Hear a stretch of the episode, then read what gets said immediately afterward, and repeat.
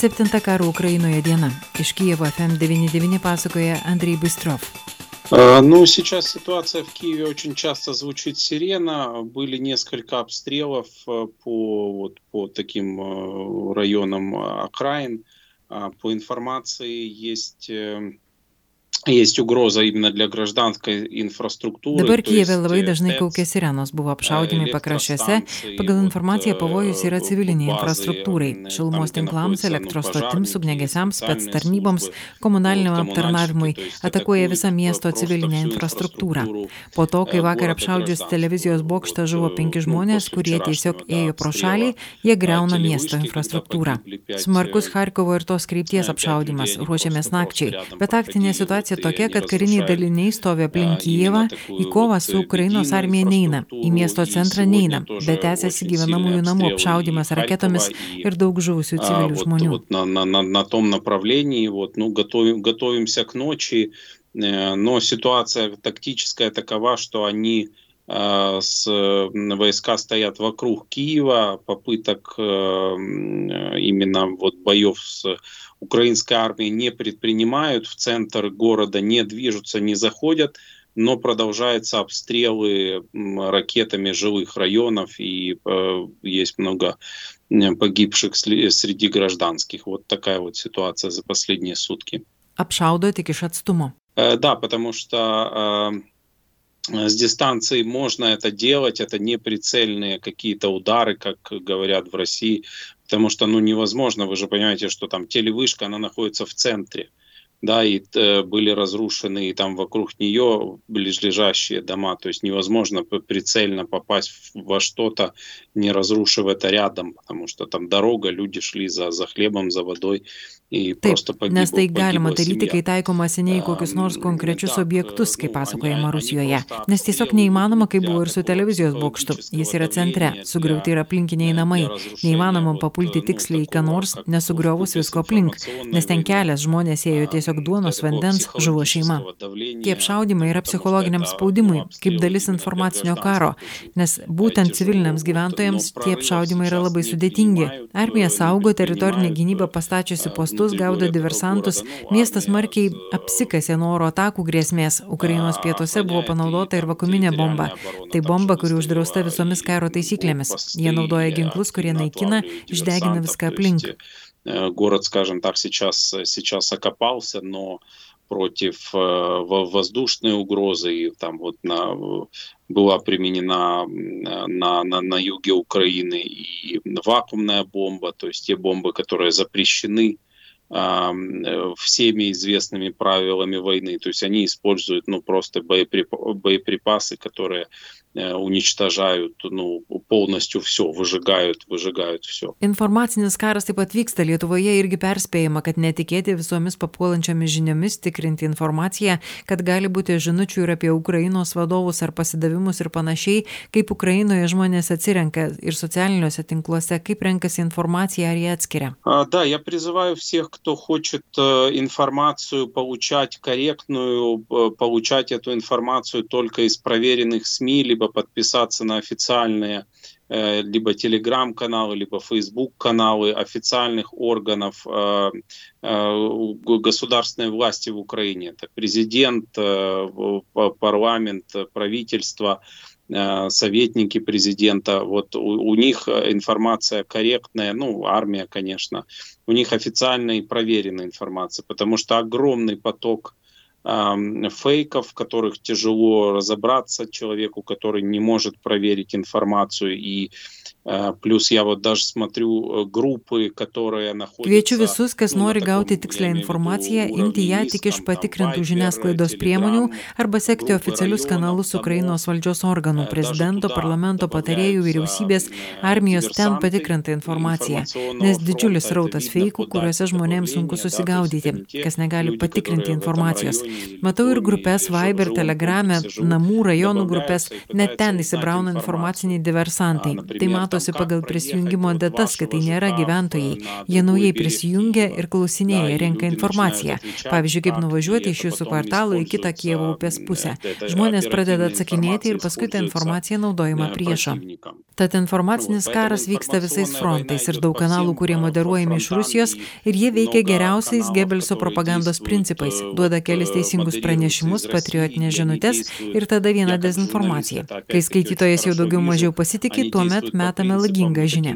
Mačiau pavyzdžiui atvejį Telegrame, kuomet platinami prezidento kreipimasis karo vado, visi teisingi patriotiniai pasidalymai, o po to informacija, kad į Kijevą juda Kadirovcų kolona ir jie šaudo į aplinkinius namus ir kad į juos negali galima mesti molotovo kokteilių.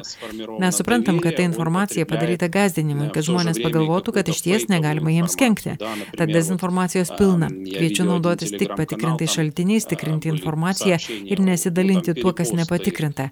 Arba, pavyzdžiui, karių judėjimo negalima skelbti. Jei kas nufilmavo judančią koloną ar panašiai, negalima to platinti. Tad informacinis frontas, kurį aš stebiu, nenusileidžia tikram frontui. ну, такие, как бы, перепуски посты, да, вот, а потом была э, информация, что, значит, в Киев движется колонна, э, колонна кадыровцев, а, и их, э, они стреляют по близлежащим домам, и нельзя в них бросать, не бросайте в них э, коктейли Молотова, которые заготовили, да. То есть мы понимаем, что эта информация сделана для запугивания, да, для того, чтобы люди подумали, что, ну, правда, не надо чинить э, ну, сопротивление делать. То есть вот много таких элементов э, пропаганды, э, информационной войны, и люди, э, конечно, я призываю пользоваться только официальными источниками, э, проверять информацию, ни в коем случае не э, перепощивать информацию, не, не транслировать то, в чем нет уверенности. И э, очень много, ну, например, даже там сообщений о передвижении войск, э, это тоже нельзя делать, потому что это используется потом для корректировки, для э, изменения оперативной ситуации, если кто-то где-то снял колонну, которая прошла, да, вот, это потом ну, нужно, ну, нужно очень-очень фильтровать. Вот, поэтому информационный фронт, ну, я в силу, опять-таки, своей профессии очень детально сейчас это все мониторю и отслеживаю, ну, пожалуй, он не уступает сейчас э, такому фронту классическому. Buvo ir naujiena, kad į Baltarusiją atvyko Janukovičius ir jį ketinama paskelbti Ukrainos prezidentu. Tikriausiai girdėjote apie tai. Ну да, конечно, конечно, слышал. Это звучит э, абсолютно абсолютно смешно, абсолютно глупо. А, безусловно, что Януковича, по-моему, разорвут уже на подходе к границе. Э, это очевидно, да, ну, я не, не верю, конечно, в эту информацию, это такая утка, но для себя мы можем сделать вывод, что если... Taip, žinoma, girdėjau, tai skamba visiškai juokingai ir kvailai. Janukovičius suplėšytų vos priartėjus prie sienos. Tai akivaizdu, netikiu tą informaciją čia antis, bet jei tokios antis atsiranda, vadinasi, Rusijos valdžia visiškai nesupranta situacijos. Ukrainiečių mentaliteto, psichologinės būsenos absoliučiai nesusigaudo, kas čia vyksta. Tie metodai taip neįtema ir taip nutrūkę nuo realybės, kad net baisu. Atrodo, žmonės, kurie taip ilgai rengėsi šiai agresijai, turėtų suprasti priešą, bet to nėra ir nuo to tik dar baisiau, nes jie nesusigaudo, kaip ukrainiečiai masto, kokios jų vertybės ir tikslai. Janukovičius, net nežinau, kokį pavyzdį pateikti, gal jei Gorbačiovą grąžintume į valdžią, kažkas tokio. Вот. Но этого понимания нету, и, конечно, от, от этого становится еще, еще просто страшнее, потому что они совершенно не понимают, как мыслят украинцы, какие у них цели, какие у них ценности. Ну, ну, ну, ну, Янукович это, ну, я не, я, у меня нет примеров каких-то, которые можно привести. Это, ну, не знаю, это если мы сейчас там скажем Горбачева вернуть вот во власти, ну, это вот приблизительно так звучит. Вот, и это показывает совершенное непонимание э, ну, информационного и такого вот гражданского социального поля. Ar tiesa, kad belaisvės grąžina motinoms, jei jos atvažiuoja jų pasiimti? Да, абсолютно верно. Это официальное заявление Э, нашего Министерства внутренних дел. Э, э, есть горячая линия открыта, открыты телеграм-каналы, где можно написать запрос, сделать запрос, где матери могут сделать запрос Э, Taip, tai oficialus mūsų vidaus reikalų ministerijos pareiškimas. Yra ir atskira karštoji linija, telegram kanalas, kur motinos gali užklausti ir fiziškai atvažiuoti. Yra parengtas kelias apeinant visus karštus taškus, gal jos gali atvažiuoti pasiimti savo vaikus. Ir su belaisviais elgiamasi normaliai pagal visas taisyklės, jos maitina, duoda medicinę priežiūrą, būtinai leidžia susisiekti su artimaisiais, nes matom, kad jie net nesusigaudo, kur jie yra. Jie sako, buvo mokymuose, mūsų sustatė ir išvarė. Jie nemotivuoti nesupranta, kas vyksta, todėl priimtas toks sprendimas rezonansui Rusijos viduje, kad jie skambintų ir mamos keltų alarmą. Nes suprantam, kad žuvusių rusų skaičius įvairiais kanalais jau viršijo 5000. Daug jų net pažįstame ar sudegė, bet tie, kurie pasidavė į nelaisvę, gali išsaugoti gyvybę. России, чтобы они звонили, связывались, и чтобы матери поднимали, ну, били тревогу, потому что, ну, мы понимаем, что количество погибших э, россиян там по разным подсчетам сейчас уже превышает 5000 человек на территории Украины. Многие из них, конечно, не опознаны, сгорели просто. Вот. Но те, кто э, сдались в плен, э, те могут сохранить свою жизнь. Bet elektra, vanduo, produktai, viskas yra, viskas normos ribose. Электричество есть, вода есть, тепло, свет, все с этим все хорошо. А проблема с продуктами, потому что совершенно нет хлеба и за, за такими обычными продуktami, nu, tai остатки просто в магазинах. Elektra yra, vanduo yra, šiluma, šviesa, viskas gerai. Problema su produktais, nes visiškai nėra duonos ir paprastų produktų. Likia tik likučiai parduotuvėse ir žmonės valandomis dėl jų stovi eilėse. Matau gatvėse daug žmonių, kurie tiesiog vaikšto nuo vienos parduotuvės į kitą ir ieško, ką galima nupirkti, nes likia tik tokie produktai, kuriuos sunku pavadinti maistu, kaip kečupas, šokoladas, juos nupirkti galima, bet jei sotus nebūsi. Taip pat didelė problema su medikamentais metais. Kelios vaistinės yra likę atidarytos ir juose didžiulės eilės. Čia didelė проблема, kurią reikia spręsti. Вот с медикаментами несколько аптек открыто, и, но, но, но как бы только только в эти аптеки стоят очереди очень длинные, очень, очень большие очереди именно с медикаментами.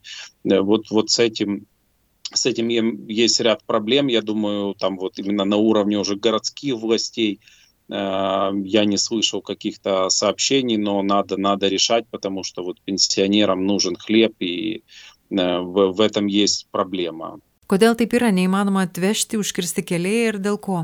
Ну, дело в том, что мы можем себе понять, да, что э, э, техно, технология процесса изготовления продуктов и их логистики, она требует присутствия людей.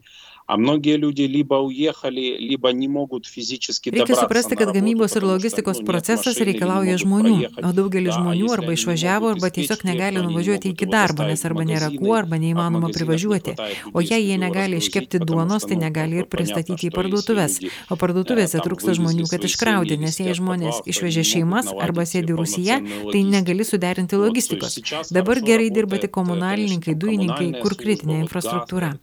Parduotuvėse žmonės žmonės stengiasi, jeigu parduotuvės turi mažas kepyklėlės, bet apimtys tokios, kad išgraipsto viską ryte per pusvalandį ir reikia po to stovėti eilėje ir laukti. Tos logistikos suderinti nuo fabriko iki parduotuvės dabar неиманoma. Такое, что его там за полчаса утром разбирают, и надо просто стоять в очереди. Вот, к сожалению, ну, эту логистику наладить от хлебзаводов до, до магазинов сейчас не могут. Radio stočiai FM99 iš Kievo pasakoja Andrei Bistrov.